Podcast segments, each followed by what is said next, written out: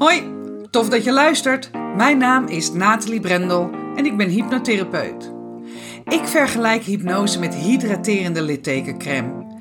Smeer het op innerlijke littekens, die zijn veroorzaakt door trauma's, angsten en beperkte overtuigingen.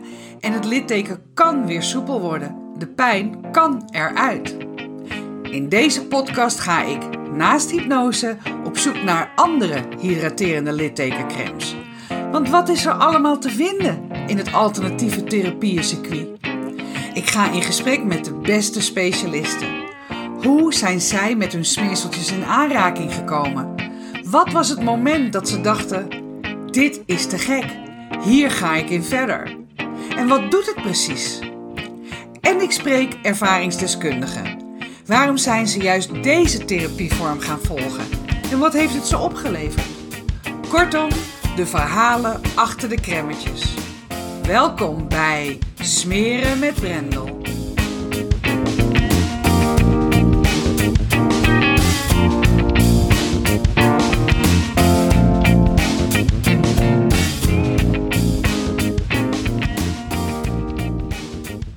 Tegenover mij zit Koen Lochtens. Hi Koen. Dag Nathalie. Hallo. en het mooie is, we zitten hier in een theater. En wij hebben elkaar ook ontmoet in het theater. Ja. Een aantal maanden geleden waren wij toevallig, wat is toeval, bij de drie musketietjes. Uh, Roy Martina. Uh, Robert Bridgman. Ja, Robert Bridgman en... Uh. Ja, Janosch. Ja. En wij zaten naast elkaar. Ja. ja. Op rij 2 of zo. Ja. En raakte eigenlijk al voor de voorstelling raakten we met elkaar in gesprek. En toen vertelde ik dat ik een podcast heb waarin ik ja, gesprekken heb met mensen uh, die ervaring hebben met alternatieve therapievormen.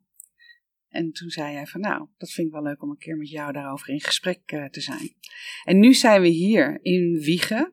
En we zitten hier, nou ja, vertel jij maar even waar jij mij uh, ja, welkom heet hier. Nou ja, net wat je net al zegt. Um, op het moment dat ik die uitnodiging kreeg voor jou, en inderdaad, zoals je al zei, wij in, uh, elkaar als eerste keer ontmoet hadden in het theater, dacht ik, ja, hoe leuk is het om hier in mijn theaterschool, nou moet ik niet zeggen dat dit theater van mij is, maar wel hè, binnen het gebouw zit, af ja. te spreken. Omdat ik het theaterzaal toch altijd wel een, ja, een magische plek vind, waar juist creatie mag ontstaan. Precies. Dus ja, Super. Ja, want uh, we zitten dus midden op het podium.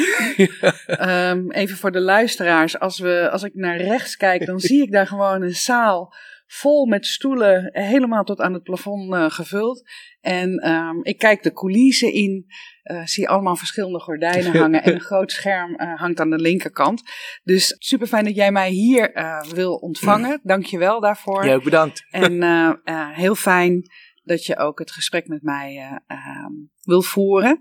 Ik ben heel benieuwd. Ik heb al veel over je gehoord en ook over je gelezen, want je hebt een boek geschreven dat heet Het Theater des Levens. Ja. Wie ben je en waarom ben je hier? Nou, dat zijn uh, diepe, diepe levensvragen. Ja.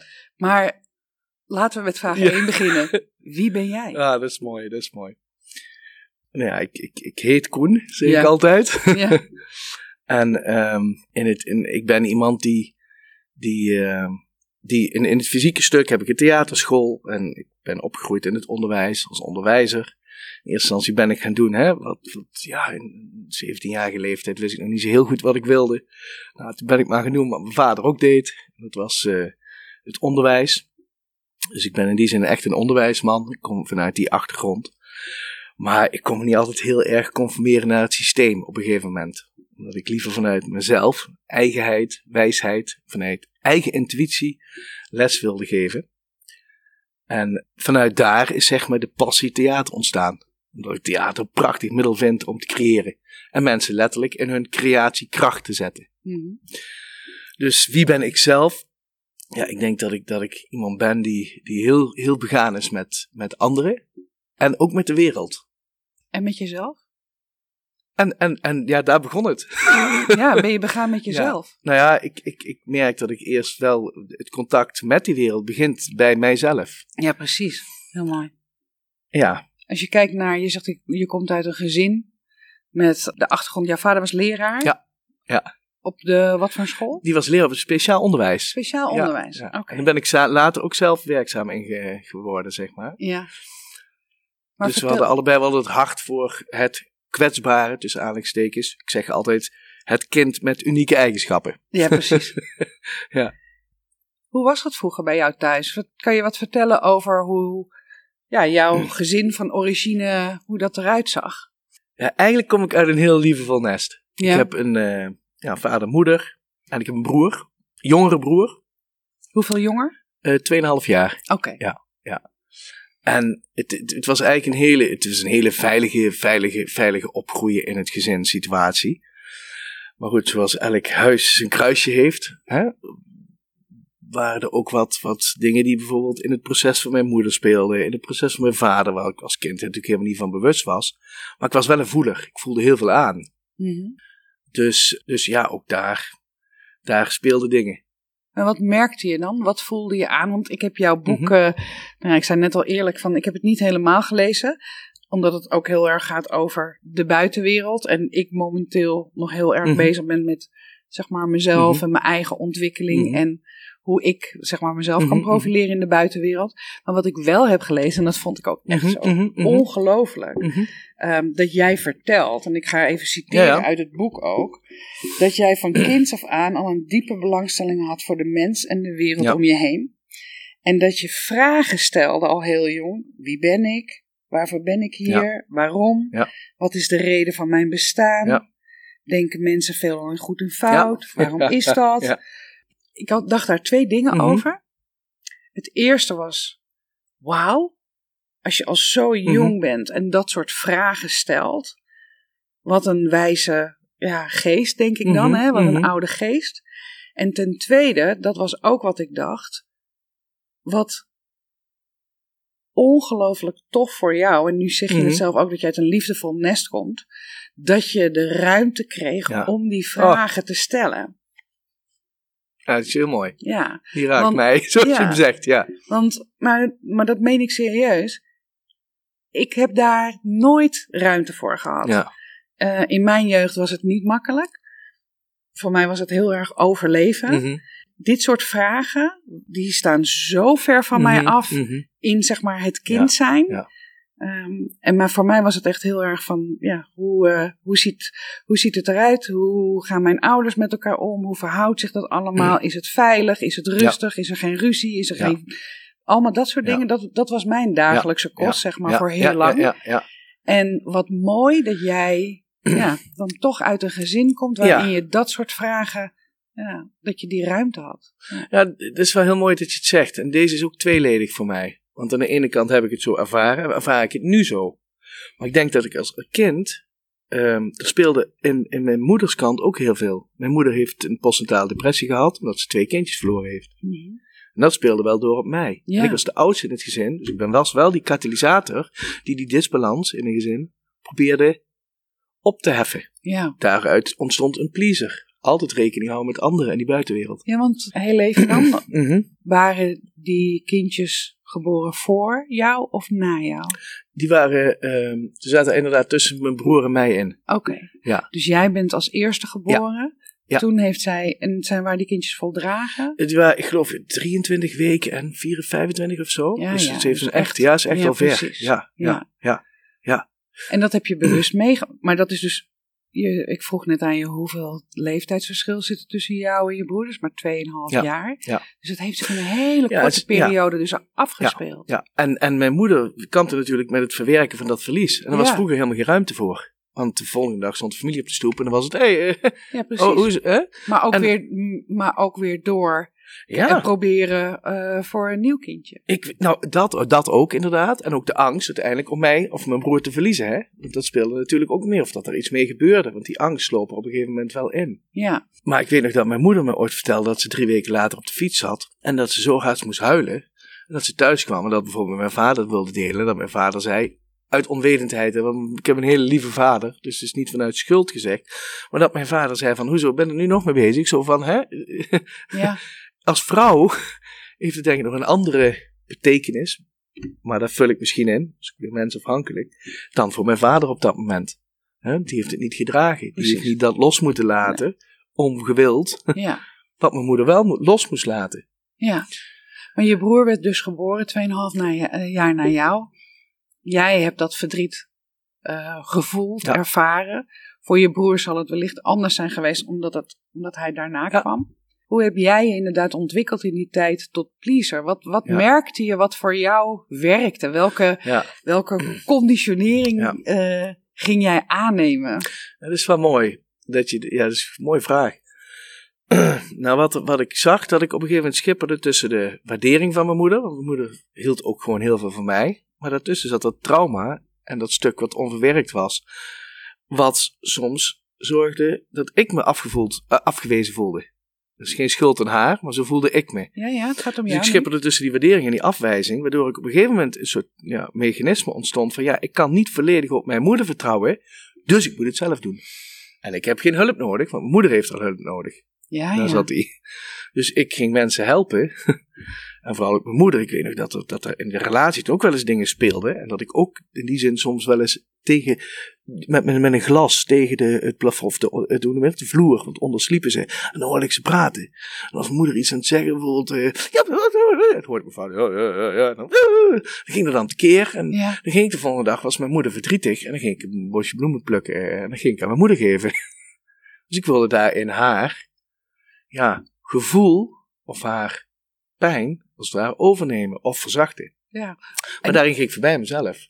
Nou, precies, want ik weet niet of je familieopstellingen kent. Ja, heb ik ook gedaan. Ja, ja, En, en dat je dus eigenlijk, hè, zoals Els van Stijn dat ook eh, Ja. in haar boek eh, De Fontein zegt, dat je dus toen al boven je moeder ging staan op sommige momenten door die zorgen over te nemen of voor haar op je te Ja. nemen. Maar mijn moeder was een hele wijze vrouw. En ik heb ook heel veel ethiek meegekregen van mijn moeder. Maar ik was ook een heel wijs, open, ja, ik noem het dan een beetje lichtkind. Want ik, ik, ja, ik had wel heel veel energie en ik wilde heel veel doen. Ja, Dus soms wilde mijn moeder ook een spiegel voor mij zijn en mij begeleiden erin. Maar tegelijkertijd wilde ik ook die spiegel voor haar zijn.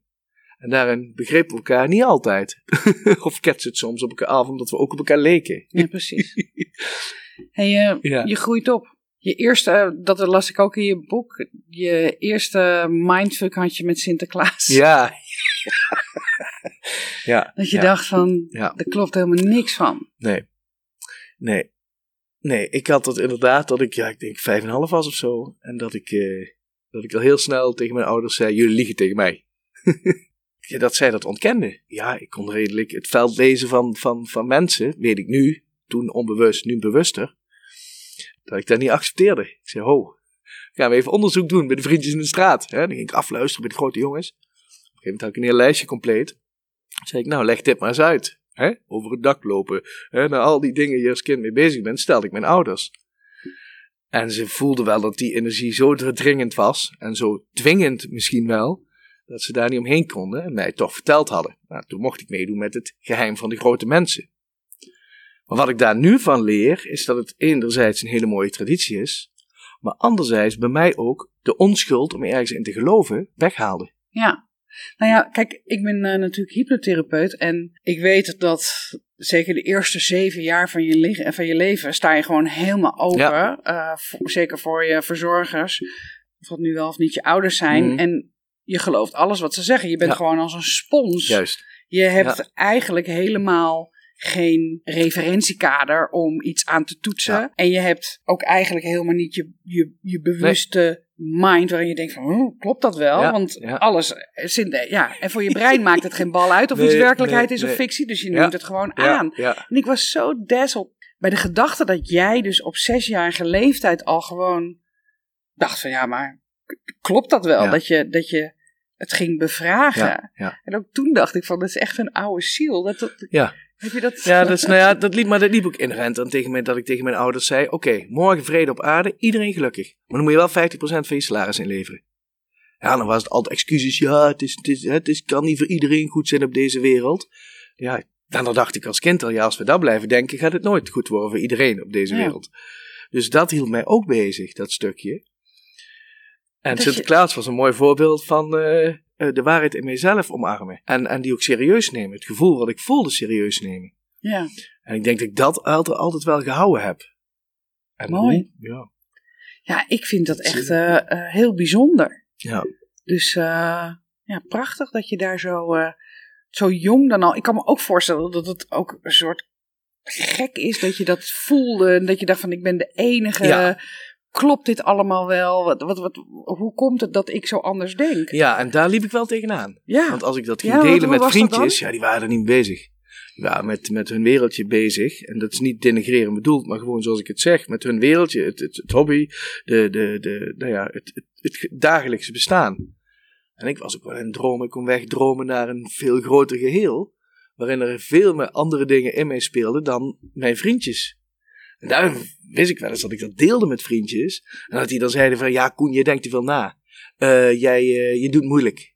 En dat ik dacht, doe ik het moeilijk? Nu snap ik dat ik gewoon sensitief was en voelde. Op een andere manier dan zij voelden. Mhm. Maar toen voelde ik me daardoor wel eens afgewezen. Dus toen ontstond er een ander mechanisme. Wacht even, ik kan een grapjes maken. We kunnen ook eh, hè, eh, je werd, eh, eh, werd, je, werd je de lol. de energieke jongen op de feestje zijn. Want als Koen er is, dan is het altijd gezellig. Ja? dus die, die rol ging ik toen aannemen. En dat is nog steeds een rol die ik kan spelen, maar nu wel bewust. en het is slechts een rol nu. Ja, precies. Ja. Maar want hoe oud was je toen je bij jezelf dacht van... eh, Ja, dat ga- was meer maar eens eh, groep anders doen. 8, zeg maar. Dat, hè, in de overgang naar die, naar die puberteit, daar zat hij vooral. En daar zat het acceptatie van, wacht eens even. Om geaccepteerd te worden, werkt het beter als ik grapjes maak en toch meega in het, in het ook het pleasersdeel, het dienen van mensen. Hè? Maar aan de andere kant kon ik ook met vrienden als ze een probleem hadden, die problemen heel erg op me nemen. En dan was ik de helper. En dan kwamen ze wel bij mij en dan kon ik ze daar ook steun bieden. maar dan was je, ook, op was, je, was je dus ook weer een pleaser. Precies. Ja, Links of rechtsom? links of rechtsom? Juist, ja. Je ja had dat een- zeg je, je mooi, ja. Je Ja. had een, eh, een rol, eh, meerdere rollen had je die je ja. kon aannemen om in ieder geval likable ook te zijn. ja, Om ja. niet eh, dat gekkie te worden wat altijd anders dacht en anders Ja, deed. ja, ja. En hoe voelde dat dan van binnen? Het eerste woord wat in me opkomt is eenzaam. Terwijl ik Ja? het nu niet voel, maar het is wel het eerste woord wat nu in me opkomt. Ik, ik heb me daar, en dat kwam later ook in mijn studietijd, best wel heel eenzaam in gevoeld. En dan, dan kwam de dichter in mij boven. Hè? Dan kwam ook het destructieve, denk ik. Hè? Een flesje wijn en dan hè, stappen, stappen. En eh, hè, ook weer de, ja, een soort van Verdoven. opvulling zoeken in verdoven in de buitenwereld. In het plezier. dus ik denk wel dat dat, dat eh, ja. Maar eenzaam, zeg je? Hm? Hoe ging je daar... Hoe, ja, je zegt net van, ja, ik, ik, ik- hè, naar de buitenwereld en een flesje wijn en een soort met verdoven. Maar als je, je- dat kan natuurlijk niet altijd. Nee. Hoe ging je daar dan... Hoe dacht je daar dan over na? Hoe ging het in je hoofd? Ja, dat, ik, ik bleef daar wel mee bezig. Dus die, die, die innerlijke stem noem ik het, die bleef Ja. daar wel actief. Dus Ja, ik had ja. die ene stem, die andere stem die mee wilde gaan in, het, in, in, in de buitenwereld. En ik had die stem die in de binnenwereld speelde, maar niet naar buiten kwam. Omdat als ik naar buiten kwam, werd ik voor mijn gevoel afgemaakt. Omdat ik niet begrepen werd door mijn Mm. omgeving. Vanuit mijn perceptie. Perspectief, ja, ja, dat dacht jij. Dat dacht ik, dat dacht ik. Dus ik heb dat wel, wel onderdrukt of weggestopt. Maar in mijn ontwikkelingen is het wel altijd teruggekomen. Ik op de PABO had ik heel veel met, dat was een vak cultuur en maatschappij. Ja, als ik daar een zeer goed voor had, dan dacht ik yes, dus daar kon ik mijn kennis, wijsheid kwijt. Maar daar leerde ik ook veel over mezelf. Toen kwam astrologie op mijn pad, enneagramtypes. Ik was altijd heel, eh, nu de human design, heel erg geïnteresseerd in dat pad van zelfkennis. Wie ben ik in dit verhaal? Dus in mijn eigen tijd, zonder dat de buitenwereld daar van afwist, ook niet helemaal waar, want ik was ook extravert, dus ik deelde het wel Ja. als mensen erop aansloegen. En soms, als mensen niet aansloegen, deelde ik het ook. Maar dan haakten ze af. Maar dat had ik dan soms niet eens in de gaten, want ik duwde het er gewoon doorheen. Ze zit nu Dan zit je nog in je, zit je nog eh, te lullen. Maar hij is al lang weg. Ja, ik niet eens in de gaten. Niet eens in de gaten, gek, weet je wel. Ja, ik- dat idee, ja. Maar ja, je bent het, eh, hè, dat zeggen ze, je bent het eh, gemiddelde van de vijf mensen met wie je het Ja. meeste omgaat. Ja. Kon je gelijkgestemden vinden? Altijd. Ja. Ja. Ja. ja. Oh, je- dat is nou nou weer het voordeel van pleasen. Dat ik heel snel de frequenties aan kon voelen eh, in een omgeving, in een gesprek. Dus dat ik daar heel makkelijk op kon dijen, in mee Ja, kon ja. gaan. Dus in die zin was ik een chameleon. Maar wie was ik in dat geheel? Dat wordt later pas het punt. Ik denk, hé, hey, wacht eens even. Ik, Ik heb allerlei identiteiten ik aangenomen. ben nou, iedereen Maar aan wie ben ik? aanpassen. Ja. Ja, precies. Maar wie ben jij, ja? Precies. Ja, dat. Mooi. Hoe kwam je uiteindelijk tot het moment waarop je dacht van... Ik ga echt eens onderzoeken wie ik zelf ben. Waar mijn werkelijke waarheid ligt voor mij. Ja. Er zijn twee fases geweest. Eentje was rond de studententijd. En toen raakte ik in aanraking met een vriend van mij, Wouter. Hij woont nu op Ibiza, is yoga-docent. En die zat helemaal in het shamanisme. En toen zat ik in een relatie die, ja, die voor mijn gevoel niet meer werkte, maar waar ik toch nog aan vasthield. En ja, dan ga je in je hoofd zitten en allerlei argumenten bedenken, omdat je denkt dat je je hoofd eruit kan komen. en Ja, ik weet nog maar goed je dat ik- voelde het al lang ik voelde te lang. en ik weet nog goed dat hij op een gegeven moment mij echt letterlijk stilgezet heeft. Hij was in zijn kamer en ik kwam. Ik zei: Wouter, kan ik even met je praten? En hij zag mijn gezicht en hij zegt: Koen, we gaan niet praten. Ga maar zitten in die stoel. Ik Oh god, dat is Wouter. maar ik stond wel open voor hè, zijn aanpak of coaching of wat dan ook. En hij zegt: Ging zitten in die stoel en we zitten tegenover elkaar. Hij zegt: Kijk me eerst maar eens even aan. Nou, ik, ging, ik zit daar in die stoel. En kijk me even aan. Nou, wat er dan in mijn hoofd, kan ik nog steeds herinneren wat er toen gebeurde. Oké, nou ja, oké. nou, eerst, eh, oké, ga- ging ik voelen wat, wat er nou gebeurde terwijl ik hem aankeek. Ja, dat was wel best wel eng. Nu zit ik hier niks te vertellen. En, eh, normaal was ik goed in mijn babbeltje. Dat was mijn eerste confrontatie, maar eh, nu heb ik mijn babbeltje niet. Chips, onrust, lichamelijk. Oké, eh, toen kwamen er stemmetjes in mijn hoofd. Ik ben geen homo. Ja? Toen ik hier met een man in de kamer aan te kijken. Oh, oh, ook stemmetjes. Oh. Oké, nou ja. eh, Dus er gingen allerlei dingen in mij aan het werk. En hij was gewoon in al zijn rust mij gewoon aan aan het kijken. Tot er op een gegeven moment een soort acceptatie in mij landde. Dat ik dacht, ja Koen, laat het eens gewoon zijn. Kijk hem nou eens gewoon aan. Nou, en toen zijn we elkaar aan gaan. Heeft voor mijn gevoel tw- een kwartier geduurd. En na een kwartier, nou beginnen we allebei hartstikke hard te lachen. En ik loop naar hem toe. Ik geef hem een knuffel. En ik heb daarna op een hele mooie, liefdevolle manier een einde gemaakt in die relatie. Dat is helemaal duidelijk. Maar hij zette mij weer terug bij mezelf. Door gewoon even stil te zijn en weer even naar binnen te keren en gewoon te voelen. Wat Ja. mooi. Dat was voor mij de eerste dat ik dacht, oh, dat shamanisme vind ik wel interessant. nou, toen kregen we allerlei seminars gevolgd. En, nou, Oh ja, dan, want dat doe je dan ook. Dan als je dan ja, iets dan wil ik dan, ga je ik, ik er wil- vol ja, in. vol in, vol in, ja. ja, dan uh, moet Herken ik wel, hoor. Ja, ja, ja, waar heb je dat bij? Ook bij alles wat je... Nou, niet bij alles, maar ik merk wel dat ik, ik nou ja, zoals wat ik eh, met hypnose dan Ja, inderdaad eh, ja. eh, had, dat ik, dat ik het wilde snappen. Ja, wilde dat, het gewoon begrijpen. juist. Dus dan ga ik op onderzoek uit. Dan wil ik En is het weten. dan dat je jezelf erin wil begrijpen? Of ook die buitenwereld? Of is het een combinatie? Ik was helemaal niet bezig met de buitenwereld. Nee, Ik was bezig, ik, ik snapte gewoon niet wat er nou gebeurd was in mijn hoofd. Waardoor Ja. ik ineens kon afvallen zonder op Ja. dieet te zijn. En Ja. ik wilde dat gewoon begrijpen, Ja. wat er nou, nou veranderd was. Ja, fantastisch. Ja, dus. Dat, en dan hoor je dat het een techniek is. En eh, dan denk ik, oké, maar die techniek die wil ik dan wel beheersen. Ja. Ik was marketinginkoper. Hè. Ik denk, ik, ik was altijd op directieniveau aan het onderhandelen. Ik denk, ik kan altijd hypnose inzetten tijdens, Oh, ja. tijdens mijn werk. Ja, dat dacht ja, ik. Ja, ja, ja, ja. Ik was helemaal niet met mezelf bezig Nee. of dat met zelfontwikkeling. Nee, maar die ervaring zette jou wel aan. Dus dan ervaring zette bam, mij hey, wacht eens, uiteindelijk hier aan. zit kennis of inzicht. Hey, Nou, hier zit, hier zit kennis eh, die ik tot mij wil nemen. Ging nog niet eens zozeer over mezelf. ja. Maar goed, het gaat Mooi. over jou. Je hebt die relatie heb je liefdevol beëindigd. Ja. En dat was dus voor jou de eerste keer. Maar daar ben je dus wel in dat shamanisme gedoken. Ja, en daar kwam het volgende proces. Want daar waren wel al de eerste inzichten van, ja, ik noem dat ontwaken, het onbewuste bewust maken.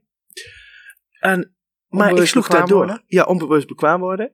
Maar daar sloeg ik door. Want op een gegeven moment weet ik nog dat ik heel erg met dat ego-construct bezig was.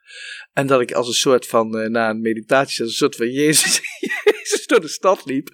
Ik kon door iedereen heen kijken en ik kon naar elke ziel kijken.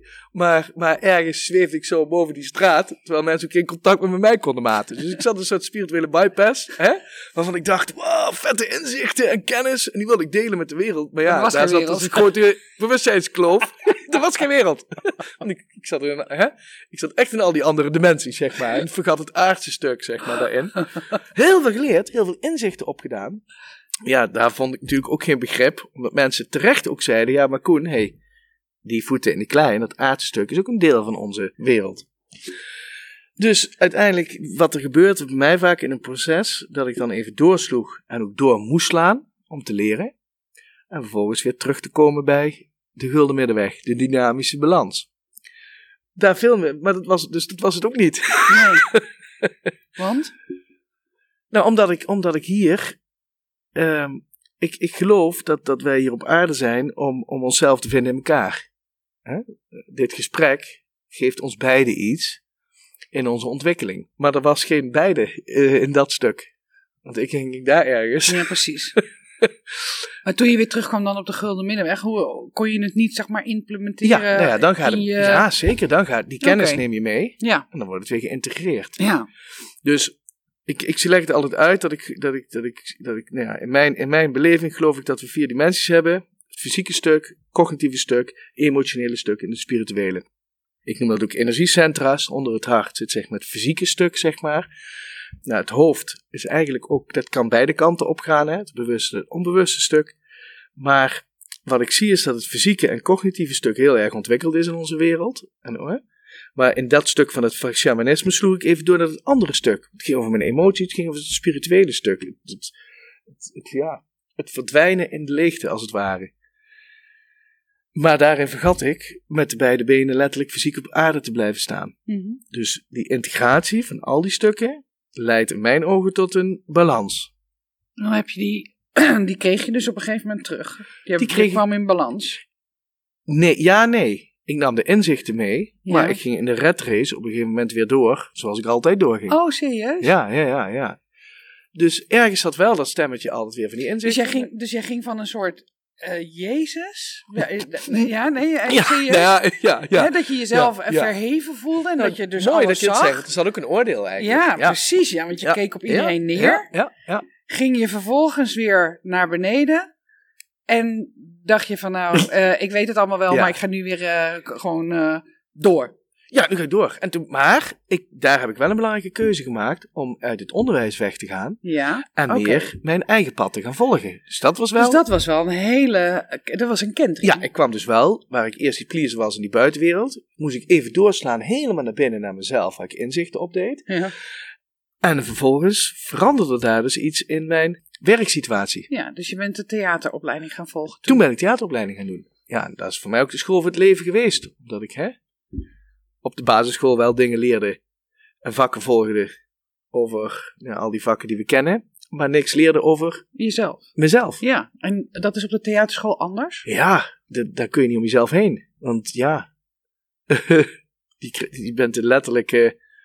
Eh, het, het, dat gaat letterlijk om kwetsbaar durven zijn.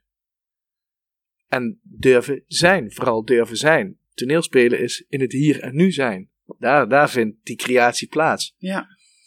En Maar er is niks engers. Nee, Want dat, dan eh, moet je nee, maar jezelf dat- geven in het moment. Ja, want En ontvangen. eh, waar ik dan gelijk aan zit te denken is dat eigenlijk zou je theaterlessen zouden iedereen die moeten hebben. eh, eh, moet, eh, het zou goed zijn als dat zeg maar een vak is waar je leert ook om te oefenen vooral. Want ik vind we zo weinig oefenen, Ja. bepaalde dingen.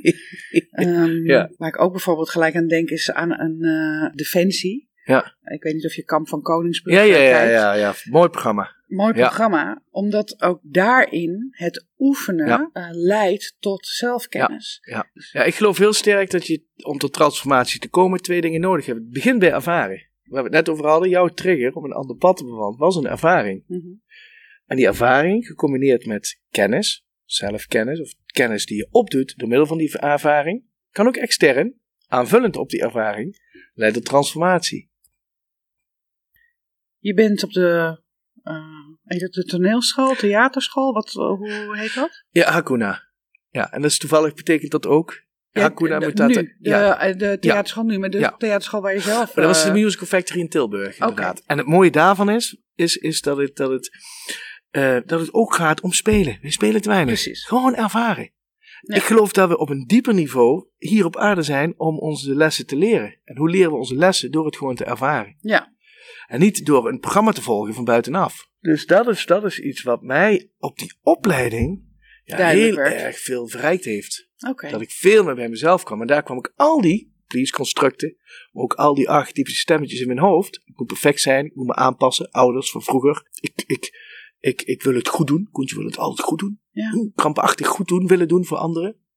Niet voor mezelf, voor Bestaansrecht. anderen. Bestaansrecht. Dat, was, ja, dat gaf mij dan een veilig gevoel. Ja. Tot loskomen van weer die constructen. Hé, wacht eens. Daar zit het hem niet in. En lukte dat? Want ik bedoel, je zegt net er waren twee momenten. Dus het eerste moment dat je met je vriend had, eh, dat je elkaar aankeek. Je zegt het tweede moment. Wat was voor jou het tweede moment? Ja, het tweede grote moment. Ja, dan, moet ik, dan gaan we wel een sprong maken. Ja, mag. Een hele korte inleiding. Dat was echt het, het verhaal in januari dat ik een droom kreeg.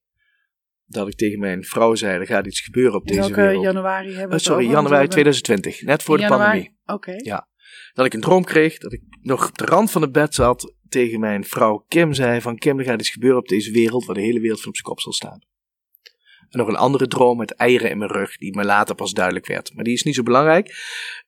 Toen kwam de persconferentie van Rutte. En die linkte aan mijn droom. Hé, hey, er gaat hier werkelijk iets gebeuren waar de wereld van op zijn kop gaat staan. Dat was het begin van een proces dat ik dacht, hé, hey, Even hoor, even voor mijn Ja. eh, beeldvorming. Jij wordt, ja, jij wordt op een ochtend in januari 2020 word jij wakker. Ja. En jij zegt tegen je vrouw, ik heb nu toch een droom gehad. Er gaat iets gebeuren waar de hele wereld van op zijn kop staat. Dat had je echt gedroomd. Maar Ja. want hoe zag die droom er dan uit? eh, drie mensen dood. En ik heb een aantal dromen eerder in mijn leven gehad die altijd met schieten te maken hebben en, en pistolen, waarin er altijd iets gebeurd was in mijn leven door ik gemanipuleerd werd. ja, dat klinkt heel gek. En, maar nu gingen er heel veel mensen dood. Met pistolen en weer ook. met pistolen. En dat was mij, dat het pistool is het symbool geworden, want ik heb dat vaker meegemaakt, dat er iets in mijn werksfeer gebeurde. Ik dacht, potverdikke me. Ik dacht ik jou kon vertrouwen, dat is niet gebeurd.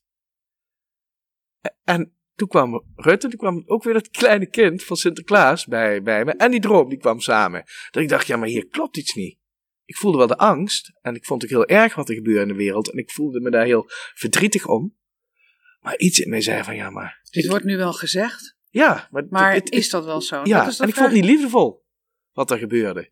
En, en, en, en eh, dus, dus daar ging ik aan. En toen heb ik Dus, heel... had, dus het, het, eigenlijk hetzelfde als wat er gebeurde bij Sinterklaas. Dat, Ja. eh, de- het is dat, als, dat als, als een soort, ja, als een soort vette accompli wordt dat Ja. eh, eh, je aangeboden. En je was zes en toen zei je van ja, maar dat geloof ik gewoon Nee. niet.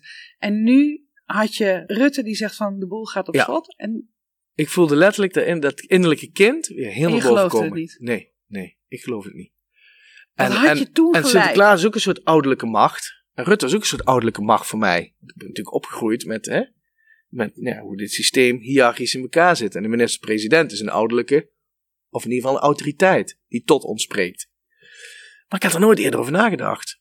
Tot dat moment. Ik dacht, hé, hey, hier klopt iets niet. Iets van binnen. Oké. En wat deed dat met je? Dat gevoel van dat Onrust, heel veel onrust. Ja, hoe Ja. uitte zich dat? Ehm, ik kan twee dingen doen. Of ik kan volgen, of ik ga, net als bij Sinterklaas, zelf op onderzoek uit. Nou ja, Dus dat ben je gaan doen. dat ben ik gaan doen. Daar werd ik ook niet echt gelukkiger van.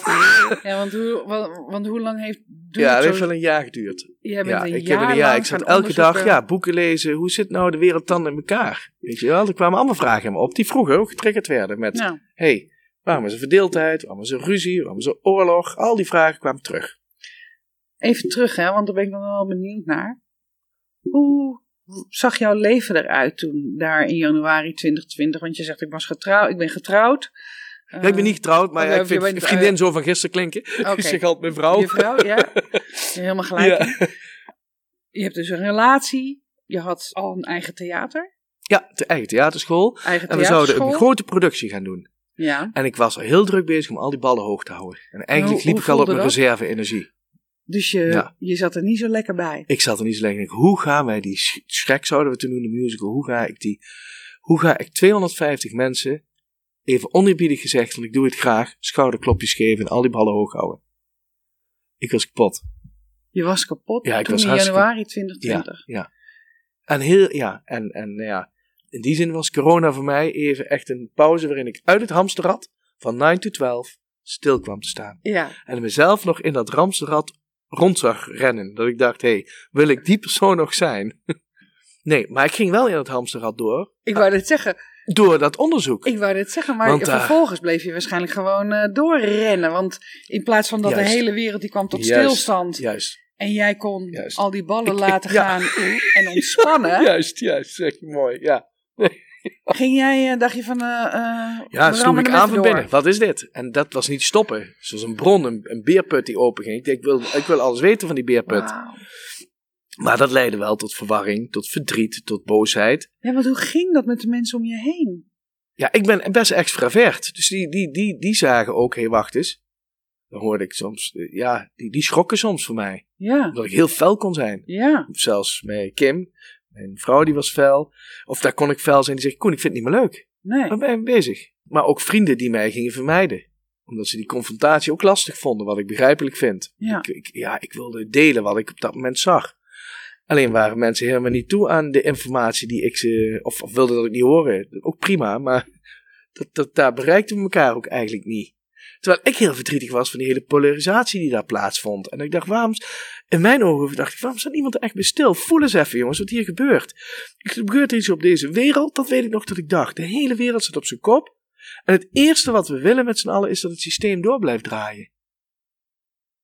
Dus waar ik uit het hamsterrad kwam, zag ik wel, hé, hey, ging het hamsterrad van die buitenwereld moest door blijven gaan. En daar zat een heel erg verwarrende fase voor mij. Was je weer eenzaam?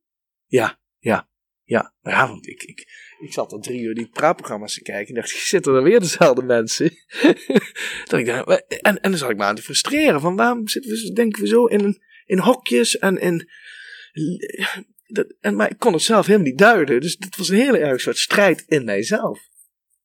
En hoe was het dan om dat te aanschouwen, wetende ook dat jij als persoon daar helemaal geen invloed op had? Nee, dus, dus, nee, nee, nee. Maar het ging eigenlijk van buiten naar binnen. Want ik werd doordat ik naar die buitenwereld keek en met allerlei weerstand geconfronteerd werd, pure weerstand in mezelf, had ik een keuze. Of ik kijk het niet aan, of ik kijk het aan. Nou, en daar zat een omslagpunt. Nu ga ik het eens aankijken. Je de weerstand in jezelf ging Ja, aankijken. Ja, ja. Daar waar ik op aansloeg, zat in mij. Ja. Dat zat niet in die buitenwereld. Dus eerst ging ik uit een mechanisme terugsturen naar die buitenwereld. Oh nee, pup, pup, pup. en iedereen maar bij ze overtuigen. En daar zijn meerdere mensen met mij die Klopt dit niet. herkennen. Klopt allemaal niet. Bla bla bla. Luister dus, en de buitenwereld hoorde alleen bla bla bla. Ja. Dan gaat Koen weer. Die dachten ja. Ja, die hebben jou nog een keertje, die hadden jou daarvoor zien zweven met je shamanisme. Die dachten, daar gaat hij weer. Nou, precies. Wat ik, wat ik uiteindelijk ontdekte is dat ook mensen een circuit, en dat zo werkt dat, in het brein aangemaakt hebben van zo is Koen vanuit het verleden. Maar Koen ging ineens een andere perceptie op de werkelijkheid krijgen en zat in een eigen strijd. Daardoor ging hij ander gedrag vertonen. En kon, moest Koen weer zichzelf opnieuw uitvinden, maar de buitenwereld ook weer opnieuw gaan zien wie Koen is. Ja. Maar dat, was, dat komt daarna dan. Dat kwam daarna. Ja, precies. maar dat, want, ja. want wat was het moment waarop je dacht, waar ben ik nu helemaal mee bezig en wat is dit werkelijk? Ik, ik weet dat ik hem letterlijk hier bij mijn hartstreek voelde. Dat hart, dat was gewoon helemaal ingekapseld zo. Dus dat, heet, nou, dat was gewoon een soort touwen die er heel strak Zo'n omheen zaten. Zo eh. kluw, zo, bam. Het zat hier, ik voelde het letterlijk hier in mijn hart. Hmm. En, is en, hoe lang heb je daarmee rondgelopen met die kluwen? Nou ja, ja dat, dat gaat geleidelijk. Tot ik, dat, je je bewust wordt, dat ik me er bewust van werd. Ik Dat weet het niet, een half jaar, als je het fysieke tijd, een halfjaartje of zo. Ja. En toen dacht ik, hé, hey, ik moet hier iets mee. Nou, en toen kwam Wim Hof met zijn ademhalingstechnieken. Nee, dat gaat te snel. Wim Hof komt niet met zijn ademhaling ineens bij eh Koen Lochtens langs. Wat gebeurde er? Hoe kom jij, Ja. bij, hoe kom jij bij Wim? mooie vraag. nou, het, mijn eerste was, ik moet rustig worden. Ik moet rustig worden, die is al Ja, leuk. Ja, ja, Die is al een, een paradox in. En, en snel. Ja, dat. Dus dat was trick in mijzelf. Van, ik, ik, ik, ik, ik kom hier niet uit in dit, deze buitenwereld. Het heeft me heel veel inzichten gebracht. Maar dat is niet, eh, zo wil ik niet eh, oud worden. Nee, vond niet tof. Nee, nee, nee, nee. dat die Nee, kluwen. nee. nee. En toen, Eh, en, en, en toen kwamen een aantal dingen op mijn pad. ja, Ja, Zoals? zoals een, ja. Nou, ik denk dat, ik- dat Marcel Messing wel een, een, een stap was. Toen ik die podcast, hij zat in een podcast bij Jorren. En daar sloeg ik op aan. wie is Marcel Messing? Marcel Messing is antropoloog, Ja. filosoof. En die, eh, ja, ik denk, ik noem hem een wandelende encyclopedie. Je had het net over een oude ziel. Nou, het Ja. is een hele oude ziel. Mhm. En eh, weet alles van, van de oude geschriften. Oké. als blauwdruk op de tijd waar we in leven. En heeft ook al 30 jaar daarin nou, boeken geschreven. Waarin je hij ooit deze eerder tijd beschrijft. Nooit gehoord. gehoord? Nooit. En je bent een podcast aan het Ja, luisteren? en ik denk, ik snap niet alles wat deze man zegt. Nee, Dat zullen mensen misschien bij mij ook wel eens hebben. dat laten we aan de luisteraars Dat laten we over. de luisteraars En over. dan- En ook dat Ja, mag er zijn. Dat mag er ook zijn. Precies. Maar iets in mij dacht ik, klopt wat deze man zegt. Dit raakt de essentie, en dat was de weg naar binnen, over wie wij wie mogelijk zijn. Dus daar werd in mij, bij dat hart, iets getriggerd van, oh, hier zit warmte. En dat was, dat was een tegenstelling met de onrust die ik in die buitenwereld voelde. En de onrust van de kluwen die je eigenlijk om je hart heen voelde. Juist. Dus die binnenwereld en die buitenwereld werden als het ware uit elkaar getrokken op dat moment. Terwijl ik toen eerst dacht dat ik de buitenwereld was, kwam ik los van die buitenwereld. En zag ik ineens, oké, dit is de buitenwereld, maar er is dus ook nog een binnenwereld.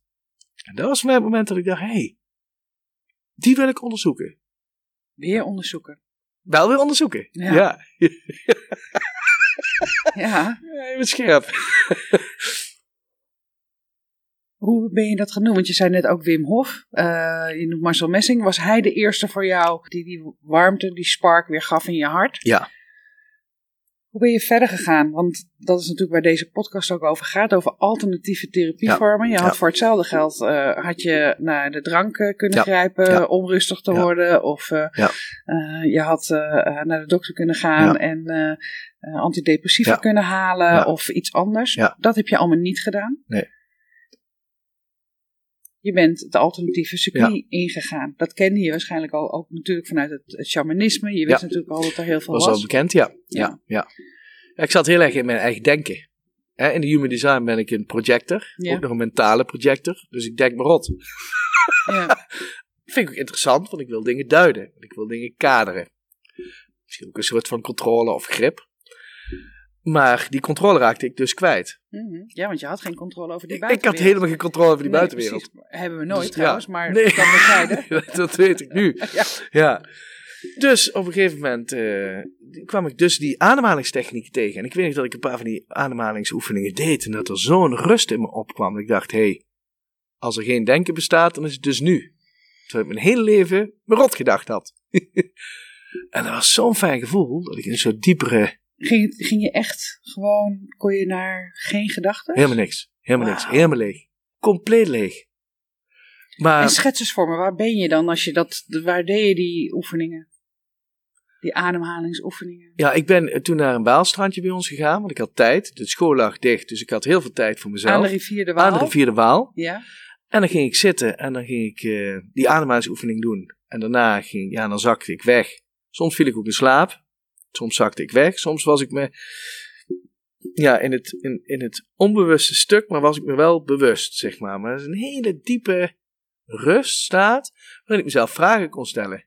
En waarin de antwoorden, als het ware, gewoon voor mij tot me kwamen. Het, zoals het nu op mij overkomt, is het dat je zelfhypnose deed. Dat je naar de theta-staat ga, eh, bent gegaan en daar toegang had tot je onbewuste. Ja. En in het onbewuste, ja, dat is zo briljant. Daar ligt Ja, alles ja, opgeslagen. Dat is het, dat is het. Ja, en dit wat jij zegt weet ik nu uit kennis. Maar ik moest hem eerst ervaren. Ja, om precies. uiteindelijk de kennis te kunnen begrijpen. En nu ga ik iets zeggen wat ik eigenlijk elke gedragswetenschapper zou gunnen. Dat ze zelf eerst en ook op opleidingen mogen ervaren wat het is. Om het uiteindelijk met kennis te laten integreren. Ik denk dat je dan mensen in een complete comple- eh, pakket kan helpen naar transformatie. Dus dan heb je weer die ervaring en die kennis is een, is een prachtig, prachtige cocktail van helende. Helende kracht en transformatie. Ja, Ja. zeker. Ja. Zeker, ja, geloof ik ook. Goed, dus jij zit daar op dat strandje aan de Waal. Ja. Volgens mij, als je het hebt over welke, welke tijd hebben we het dan? Dit was eh, nou, een jaar later, januari 2021. Toen Oké. begon ook de koude dipjes deed ik daar, dus 5 graden. De eerste keer ben ik naar huis gegaan, warm gedoucht. Ik denk, dit kan niet de bedoeling zijn, dit kan niet de bedoeling zijn. nou, toch weer terug. En dat werd maart en het mooie weer. Ja, en daar heb ik en dat kan een beetje, ja, het, het klinkt voor mezelf nog, nog zweverig inderdaad, maar daar heb ik een ervaring gehad dat ik dacht, ja, dit, dit, wat is hier gebeurd? Dat ik op een gegeven moment wegzakte en drie, vier uur lang helemaal stil werd. En dat ik mijn ogen opendeed en dat ik miljarden stipjes in de lucht zag. Echt pixels. En dat ik die weg wilde wijven met mijn hand en dat ze dwars om mijn hand heen gingen. Ik weet niet hoe lang het geduurd heeft. Ik echt totaal geen benul van tijd. Maar ik weet wel dat ik me helemaal vredig voelde. Dat ik in het zand wegzakte, het water over me heen spoelde, de lucht zo, als het ware, helemaal door me heen blies. En op het moment dat ik na ging denken, was het weg. Toen ik me af ging vragen, wat is dit? Weg. Hoe voelde het? Eh, Fantastisch. Ik, ehm ja, dat was heel mooi. Maar Wat gebeurt er nu? Ja. Op het moment dat ik het zeg, voel ik weer dat ik emotioneel word. Ja. Dat had ik niet verwacht. Ja, Alles mag er zijn, hè? Ja. Ja. dit was zo mooi. Ja. En, en, en tegelijk het besef van, hey, die gedachtes, hallo, Ja. dat gevoel, Daar gaat het om. hey, dat is niet wie ik ben. dat. En als je Ja. daar dan... Je, je bent dus weer gaan denken. Op enig moment, gelukkig maar. Anders had je er misschien nu nog gezeten. Ja. Gaat te gek ook. Maar nee, Ja. oh, zonder Ik ging daar naartoe, maar kwam wel weer terug op aarde. Dat, Ja, ja, oké. Maar dat kwam maar wel met een bepaalde kennis, die ik voorheen niet had. Wat, wat was het? Wat, eh, wat had je daaruit meegekregen uit die ervaring? Nou, heel kort. Ik ben niet mijn denken, ik ben niet mijn gevoel, ik ben ook niet eens mijn lichaam. En alles, alles is werkelijk energie. Dat straalt door alles heen. Want ik was één. En ik was weg. En hoe kan ik in een fysiek lichaam weg zijn op dat moment? Dat was de vraag die in me opkwam. Dat was later het onderzoek weer, wat aansloeg. Dus daarin, ja, dat vond ik dus interessant. Dus zijn wij, gaat bewustzijn, komt het van de hersenen of gaat het door de hersenen? Nou, op dat moment wist ik Ja, dat het door ons komt, niet van. En nou, het is heel gevaarlijk als je zegt, er zijn heel veel wetenschappers die dit moeilijk vinden om te omarmen, wat ik ook snap. ja. Maar, dat Maar geeft ik kon ook niet om mijn ervaring heen. Nee, precies. Maar ik denk, weet je, er zullen ook luisteraars zijn die dit misschien moeilijk vinden Ja. om te begrijpen. En dat, en dat mag ook, Ja. hè. Dat, eh, eh, ieder heeft zijn eigen pad te bewandelen, zeg ik altijd. En ieder heeft zijn eigen ervaring die hem uiteindelijk brengt waar die ja, hoort te zijn, denk ik.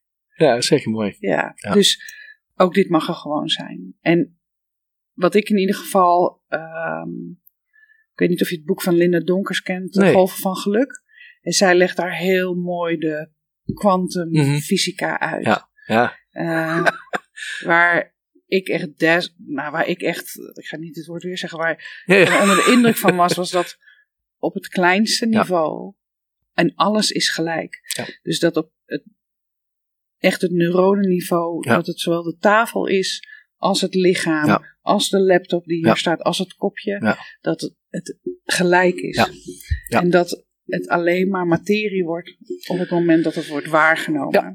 Ja. En daarvoor is Nee. het energie. Ja. Einstein eh, heeft gezegd: eh, Ik zou willen dat ik zeker wist als de maan, dat de maan er nog zou zijn, ook al zie ik hem niet. Ja. En, ehm, daardoor ben ik ook wel echt ja, anders gaan nadenken over, over energie. Ja. Dus als ik jou zo behoor Ja. en beluister, lijkt het wel alsof je niet meer in waarneming was, waardoor alles energie Ja. wordt. ja, ja, dat, ja, dat is een hele aannemelijke verklaring. Ja. En ik kwam los van, van het even van echt van het fysieke stuk. Ja. Waar we natuurlijk in alles in het leven opgroeien. Biologie op school gaat puur over het fysieke stuk. Waar we leren niks over de energielichaam, astraallichaam, etherisch Daar wordt helemaal niks over verteld. Nee. Er wordt niet verteld dat wij batterijen zijn met een elektromagnetisch veld om ons heen, wat uitstraalt vanuit het hart. Dat het hart een kamer heeft wat een bewustzijn in zich draagt. Want als wij in iets ergs gaan meemaken, heeft het hart, en dat kunnen we tegenwoordig al waarnemen, het al waargenomen. Ja. Dat de reactie al ontstaat voordat het geschiet in de buitenwereld. Ja. Ken je de Power of the Heart, de film van Oh nee, eh, nee, dat ken eh, ik niet. Nee, eh, Baptiste Dupap? nee heb ik nog niet gezien. Interessant niet om, gezien. eh, ja, ja, we hebben eh, veel over dit stuk gelezen. Ja, ja. En, en dus ervaren. Ja. Mooi. Ben je even terug, hè? want je komt van dat strand af. Dat strandje daar aan de Waal. Ja, En je hebt deze ervaring gehad. ja, ja. Ja, ja. Wat, wat, wat, wat, wat vertel je? Wat, Nou ja, dat wil je dus met de hele wereld delen. ja, En toen kwam ik weer die muur tegen. Ik dacht, oh, mensen denken dat ik gek ben. ja, dus het dakje ging helemaal open hier. ja. En ik stond volledig aan. En ik ben extravert. Dus ik wil dat delen met mensen. Ook om ze bewust te maken dat ze hun gedachten helemaal niet serieus hoeven te nemen. En dat we helemaal niet in die angst waar we toen in zaten hoeven te zitten. Hè? Want wat is dood? Dat kreeg voor mij ook een hele andere betekenis na die ervaring. Ik dacht, jeetje jongens. hey, hoe zou het leven eruit zien als we allemaal niet meer bang zijn om dood te gaan? En in het leven wens ik mensen toe om al heel vaak dood te gaan. Dus buiten hun angsten juist op te zoeken. en ze aan te gaan. Hoe, wa- wat ik Dat nu, dingen. Ja, precies. Want wat ik me nu dus ook bedenk is dat jouw gedachtegang over waar je eerst heel erg Ja. een projectie had op de buitenwereld en alles onderzoeken. Ja. Heb je dat helemaal losgelaten toen op dat moment? Ben je echt naar binnen gegaan en het onderzoek vanuit jezelf gaan doen? Ja, het- ik heb wel op een gegeven moment nog een, een, een, een quantum training gevolgd van eh, Roy Martina. Waar 111 lessen. Die heb ik echt intensief gevolgd. zijn heel veel uren zijn dat. En hij begint, en dat vind ik wel heel mooi in zijn methodiek. Je ziet hem ook heel veel terug in de quantum eh, Fysica, eh, ja. ja, fysica, ook th- therapieën, is dat hij eerst begint met karma verbranden, zo noemt hij het. Dus eerst je pijnstukken, jouw constructen van boete, schaamte, schuld, die in het onbewuste stuk doorspelen, aan te kijken. En dat heeft mij heel veel huil, boos, eh, ook lachsessies opgeleverd, zeg maar. Maar daarin ging dat hart, want hij noemt dat ook die hartmuurtjes, die we gaandeweg ons leven om dat hart heen bouwen. Muurtjes van boete, schaamte, schuld. Ja, die werd steeds meer opener. Dus het hart werd weer vrijer. Ik noem het ont- Afwikkelen. Ja, ontwikkelen. ontwikkelen. Ja, het is mooi. Ontwikkelen. Dat is mooi. Dus die wol, die, Ja, die draadjes, die weer. Precies. Prachtig. Waardoor ik letterlijk weer lucht kreeg en adem kon halen. Nou, vervolgens ging hij ook die pijnappelklier. Een orgaantje waarvan ik nooit wist dat die bestond. Terwijl het één van de belangrijkste orgaantjes is, in mijn ogen, die niet één van de, want ze hebben allemaal nodig. Maar een heel belangrijk orgaantje. Wat, wat gaat die openen? Vertel, Activeren? waar zit hij? Wat zeg je? Waar zit hij? Niet iedereen die dit hoort, weet waar de pijn op De pijnappelklier zit eigenlijk, ja, hij zit eigenlijk als je een lijn trekt tussen je oren, heel erg in het midden, zeg maar. Hij zit letterlijk tussen de twee hersenhelften in. En wat ik- doet hij? Ja, in mijn ogen, en dat, maar goed, dat spreek ik weer vanuit ervaring, is de pijnappelklier natuurlijk voor het, het slaap-waakritme. Maar hij heeft nog een grotere functie. Het is zijn, eigenlijk bestaan het ook allemaal kristalletjes, zeg maar. En het mooie is dat de hindoeïsten al het derde oog noemden. En nog mooier is dat daar cilia op zitten, en dat noemen ze de wimpertjes. En die wimpertjes zijn eigenlijk ja, een soort van haartjes, ik noem dat transmitters, voor hebben weer energie. Buitenzintuigelijke waarnemingen. Dus iets waar de intuïtie in mijn ogen huisvest. En op het moment dat ik die ging openen, ja, ging ik op een andere manier dingen weer waarnemen. En kon ik dingen, ja, In een ander perspectief ook gewoon zien. heel, heel erg in andere perspectieven. Ja. En gaf dat, gaf dat rust? Nou, ik, letterlijk de zin die in me opkomt, als ik die nog mag toevoegen, ik Zeker. moest mijn ogen sluiten om mijn ogen te openen. Hè? Ja, ja. Ja, ja. En ze zeggen ook wel eens, we need the dark to see the light. Ja, Nou, de dark, was die ogen dicht doen. Hè? ja. En daardoor ging die blinddoek ging eigenlijk af, om het zo maar te zeggen. En daarna gingen we meer naar, ja, ja ging echt, dat is een, een training die echt heel ver gaat en heel diep ook naar, nou ja, andere dimensies waarnemen, noem maar op. Dit is soms al een beetje, ja, daar zijn we niet mee opgegroeid. Dus dat geeft Nee. mij een hele nieuwe wereld open, laat ik het zo zeggen. Ja, precies. Je hebt dus, eh, je- want het adem, die ademsessies doe je die nog steeds? Elke dag. Elke dag. Anderhalf uurtje, uurtje. Als ik het druk heb, moet ik, ja, dan, dan een kwartier. Maar eh, ja, vanmiddag, straks een afspraak. Dan ga ik eerst even lekker de natuur in zitten. Helemaal, ja, ik vind dat zo fijn. Ja. En je kan ook elke keer bij dat, bij dat Ja, Dat is dus afhankelijk in hoeverre ik in het hamsterradje zit. Want op het moment dat je begint met een meditatie of diepere hè, sessies, nee, hypnose. Ik vind het heel mooi, want heel, dus ben ik echt in geïnteresseerd dat jij het doet. En hoe je mensen sneller in die theta staat kan krijgen. Maar het is niet altijd dat ik, dat ik de diepste staat bereik. Het heeft ook wel te maken met het programma waar ik op dat moment in zit. En Ja. Hoe makkelijk ik daar los van kom. Maar ja, hoe vaker ik het doe, hoe snel ik er nu in zit. Ja, dat Zeven ademhalingen klaar. Ja, nu. oefening. eh, maar dan nog kan ik wel eens dieper. Nog, oh, nu, nu zit ik diep. En dan zie ik een soort paarse, ja, ik noem het een soort portaal. Waar ik dan doorheen ga. En dan een soort van achtbaan. Ik ga en in één keer ga ik door die portaal en dan valt het stil. En dan is het eh, een beetje zo'n zo astronaut die in één keer zo in het luchtledige Ja, komt. Zo, ja, ja. Dat idee. Cool zeg. Dat herken ik wel met hypnose inderdaad. Ja. Mooi is dat, mooi om die staat te bereiken. Wim Hof, ademsessies, meditatie, Roy Martina. Ja. Zijn er nog Ja, en- ja, de, de derde stap eigenlijk in deze fase was een ayahuas- ayahuasca-reis. Ook. Het, het valt wel in de lijn van jouw podcast, de Ja. afgelopen, hè? Want Ja, toevallig precies. komt hij hier ook terug. Ja, dat was echt werelds. Daar kwam eigenlijk alles van die twee jaar kwam samen, geïntegreerd. Leg uit. Ik zal hem ik, kort mee eh, eh, proberen te schetsen. Want even ja, voor mensen ja. die de vorige Ja, podcast niet geluisterd hebben. Ayahuasca is een plantmedicijn. Ja. Komt uit Midden-Amerika. Costa Rica. Ja. Het zijn twee verschillende soorten planten die ze op miraculeuze wijze bij elkaar hebben gebracht. Dat bedoel, de inheemse bevolking daar er zijn Ja. duizenden eh, plantsoorten, maar ze hebben deze twee gevonden. Ja. En de ene plant is een DMT, Mhm. eh, plant. Maar DMT is een lichaams-eigen stof die we ook, hè, als we Aanmaken dromen, door de pijnappelklier in het slaap-waakritme. Ja, ja, hè, dus ja. dromen Ja. eh, zit daar. Ja. Dus die DMT eh, is een lichaams-eigen stof, die zit in de ene plant. Mhm. Maar als we de plant zo zouden nemen, dan wordt dat afgebroken Ja. door ons lichaam in ons maag. Dus we nemen eerst een andere plant, Juist. er zit een maalremmer in, Ja. waardoor er een soort laagje komt. De DMT Ah, hebt de, mooi ruimte, verteld. Ja, ja. de ruimte Ja. krijgt om Ja. inderdaad naar de hersenen te gaan. ja, en bij mij was de trigger Bessel van de Kolk. Hè, psychiater, veel in, in zomergast of ergens in een programma geweest. En die had het boek geschreven, The Body Keeps the Score. Ja. En die had eigenlijk vijf trauma-helende methodieken onderzocht, die effectief bleken. En een daarvan was hè, de EMDR, natuurlijk, het reguliere circuit heel bekend.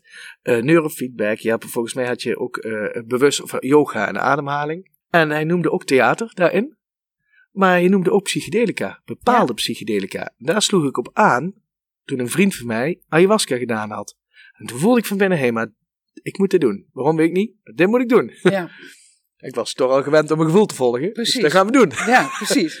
Nou, en- Onderzoeken. onderzoeken. En ik, dat is het mooie. Ik had twee jaar lang die olifant. Ik, wat, ik, wat er gebeurde eigenlijk bij mij. Ik kom in een soort eh, dialoog met moeder ayahuasca. Of je onderbewustzijn, hoe je het maar wil noemen. Geef beestje een naampje. En ik zit daar in die ruimte met twaalf man op een matrasje. En ik zie op een gegeven moment in die ruimte een olifant staan. En ik zeg tegen moeder ayahuasca een beetje opstandig. Nee, je gaat mij niet vertellen nu dingen. Nee, ik heb die olifant gezien. Ja, en ik heb zijn poten vastgepakt. Ik heb zijn slagtanden vastgehaald. Ik heb die kamer binnenste buiten gekeerd. Ik weet nu hoe het zit. En plup, plup, plup, daar ging ik heen. En toen zei ze met een hele rustige stem, Koen, je kijkt niet goed. Ik zei, wat, ik kijk niet goed? "Eh, hoezo? Kijk niet goed. Je kijkt niet goed. echt dit gesprek. Ja, dit gesprek. Ja? Dus ik begin te kijken en op een gegeven moment begin ik keihard te lachen. Echt. Heel hard lachen in die ruimte. Want ik ontdek op een gegeven moment dat ik zelf al die tijd die olifant was. en ik begin te lachen in die ruimte en ik zie links van mij een man zitten. En die, die begint ook mee te lachen. Maar tegelijkertijd zie ik dat hij nog een beetje een baby-olifant is. Ik zit in de overgang van baby-olifant naar volwassen olifant. Ja, dat klinkt heel gek dit. En ik zie daar de begeleider Frank zitten in die hoek. En ik zie heel veel oude gezichten voorbij komen. Allemaal verschillende gezichten. En ik zie op een gegeven moment, oh, Frank is een hele oude wijze olifant. En tegelijkertijd ontdek ik op dat moment dat we in dit aardse bestaan allemaal titeltjes bedacht hadden. Dokter, dit, dit, dit. Dat ik dacht, oh, daar draait het dus niet om. Iedereen heeft een bepaald bewustzijnslaag, niveau. Je kunt het niet eens laag of niveaus noemen. Het is allemaal uit dezelfde bron voort. Maar ik zag in één keer, oh, wacht even. Er zitten hier drie olifanten in de kamer. En ik begon te lachen. Maar iets in mij mocht vroeger niet lachen. Want ik dacht, oeh, wat vinden anderen van mij? Meteen het ego-construct. En iets in mij zei, moeder ayahuasca, doe het maar even Koen. Jij mag nu even jouw ruimte innemen. En jij mag even zijn. Dus ik begon heel hard te lachen. En drie gingen ermee. En die vrouw naast mij, die zat helemaal in haar trauma. Maar ik zag haar in haar pijn zitten. En ik dacht, ja, ik zag die pijn is helemaal niet van jou, maar je houdt hem vast. Ik begin keihard te lachen. Maar terwijl ik lach, voel ik tegelijkertijd die weerstand van die vrouw. Die kon mij wel schieten. Die denkt, ja, hé, hey, ga jij een beetje zitten lachen? Ik wil mijn pijn voelen. Ja. Maar het grappige was, tegelijkertijd zag ik letterlijk die trilling in die ruimte, want er begonnen steeds meer mensen te lachen. En leerde ik de les dat lage energie naar een hoge energie toewerkt in de natuur. Want andersom biedt een veel betere, uh, sterkere weerstand. En de weg, energie zoekt de weg van de minste weerstand. Dus de les die ik kreeg, en is gewoon steeds mensen lachen.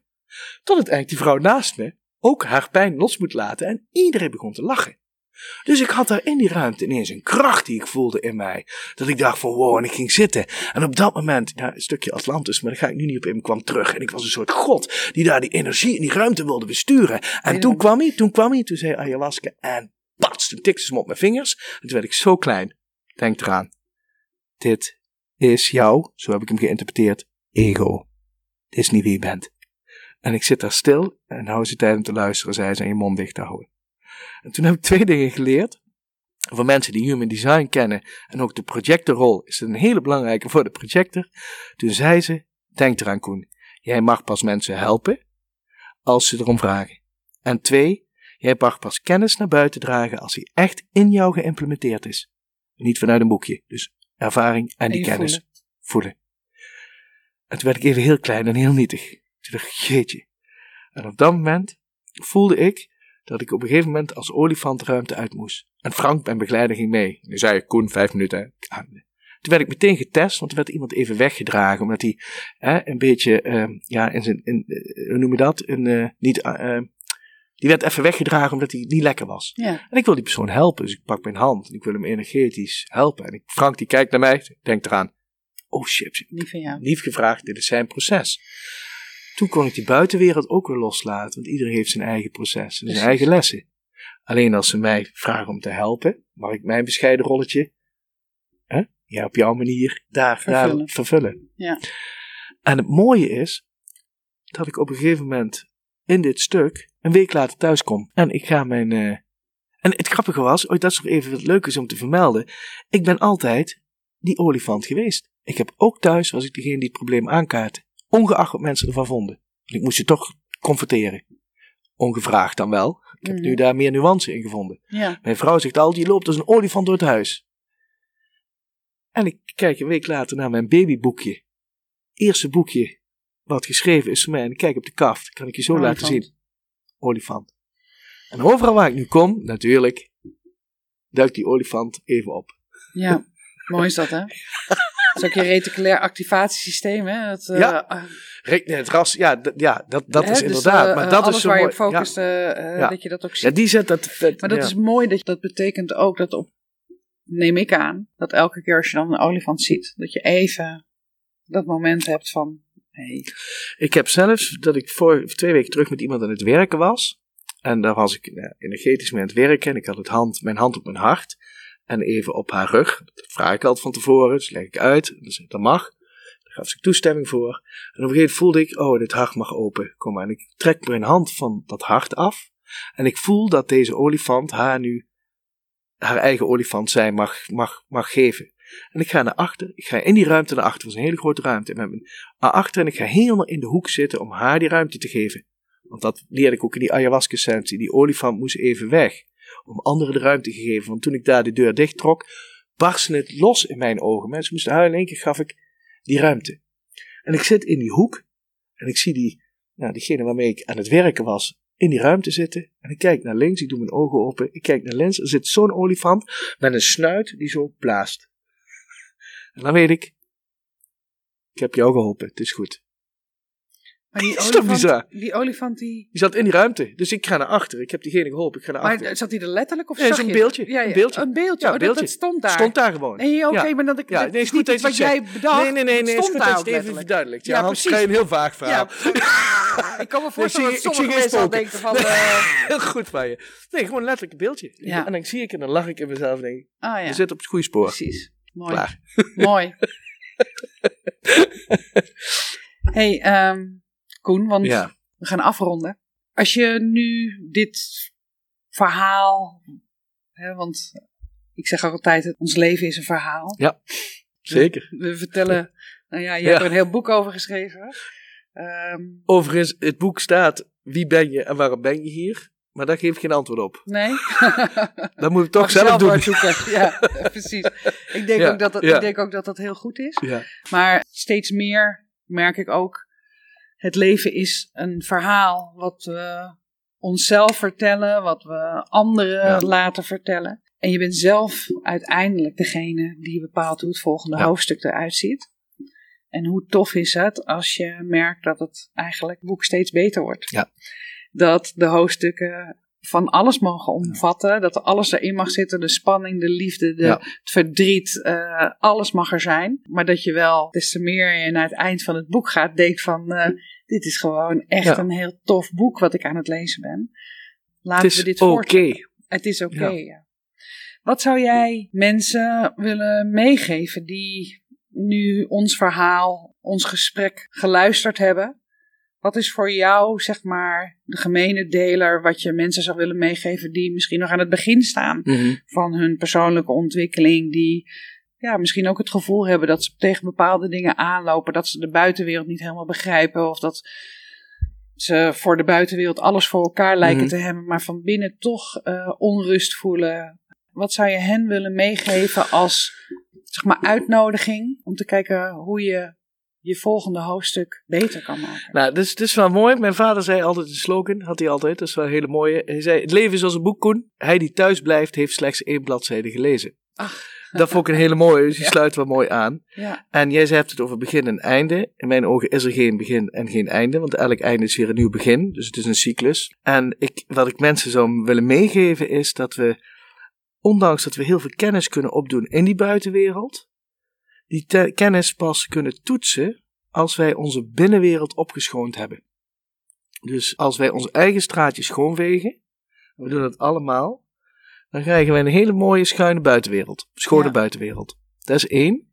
En ik geloof dat in die stilte, waar ik het net over had, die wijsheid, de wijsheid van het hart, hoe je het maar wil noemen, die we allemaal mee hebben gekregen, maar waardoor we soms besmet raakt door die buitenwereld, dat we in die stilte de wijsheid tot ons gaat spreken.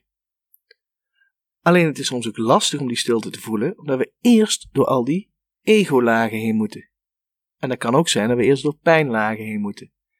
En die willen we, dan spreek ik uit eigen ervaring, niet vaak voelen. Omdat we liever vreugde ervaren zeggen, dan de- pijn. eh, ja, ik pijn vermijden. Maar voorbij die pijnconstructen ligt er een innerlijke vrijheid. En dat is een ongoing proces. Ik zeg niet dat ik daar ben, maar ik zeg wel dat het mij bevrijd heeft. Wat ongelooflijk veel vervulling in jezelf geeft. Waardoor we niet meer afhankelijk blijven van de vervulling uit die buitenwereld. En dan denk ik dat we een hele mooie, verbindende, maar ook transparante en minder oneerbiedig gezegd schijnheilige buitenwereld gaan creëren. Maar het begint Maar het begint bij onszelf. Dat is het kern. Ik eh, dank je hartelijk Jij voor dit ook. gesprek. Ik vond het leuk. Ik ook. Goed zo. Mooi, dankjewel. Dankjewel. Bedankt voor het luisteren naar Smeren met Brendel. Vond je dit een toffe podcast? Laat dat dan vooral weten door een 5-sterren review achter te laten. En ken je iemand die deze podcast vast ook interessant vindt? Dan zou ik het waanzinnig waarderen wanneer je hem deelt. Wil je het direct weten als de volgende podcast Smeren met Brendel klaar staat? Klik dan in jouw podcast-app op de button subscribe en je ontvangt direct bericht als de nieuwste podcast online staat. In de Spotify-app kan je zowel het beoordelen als het delen en het volgen van deze podcast heel eenvoudig regelen door op de drie puntjes te klikken. Super bedankt!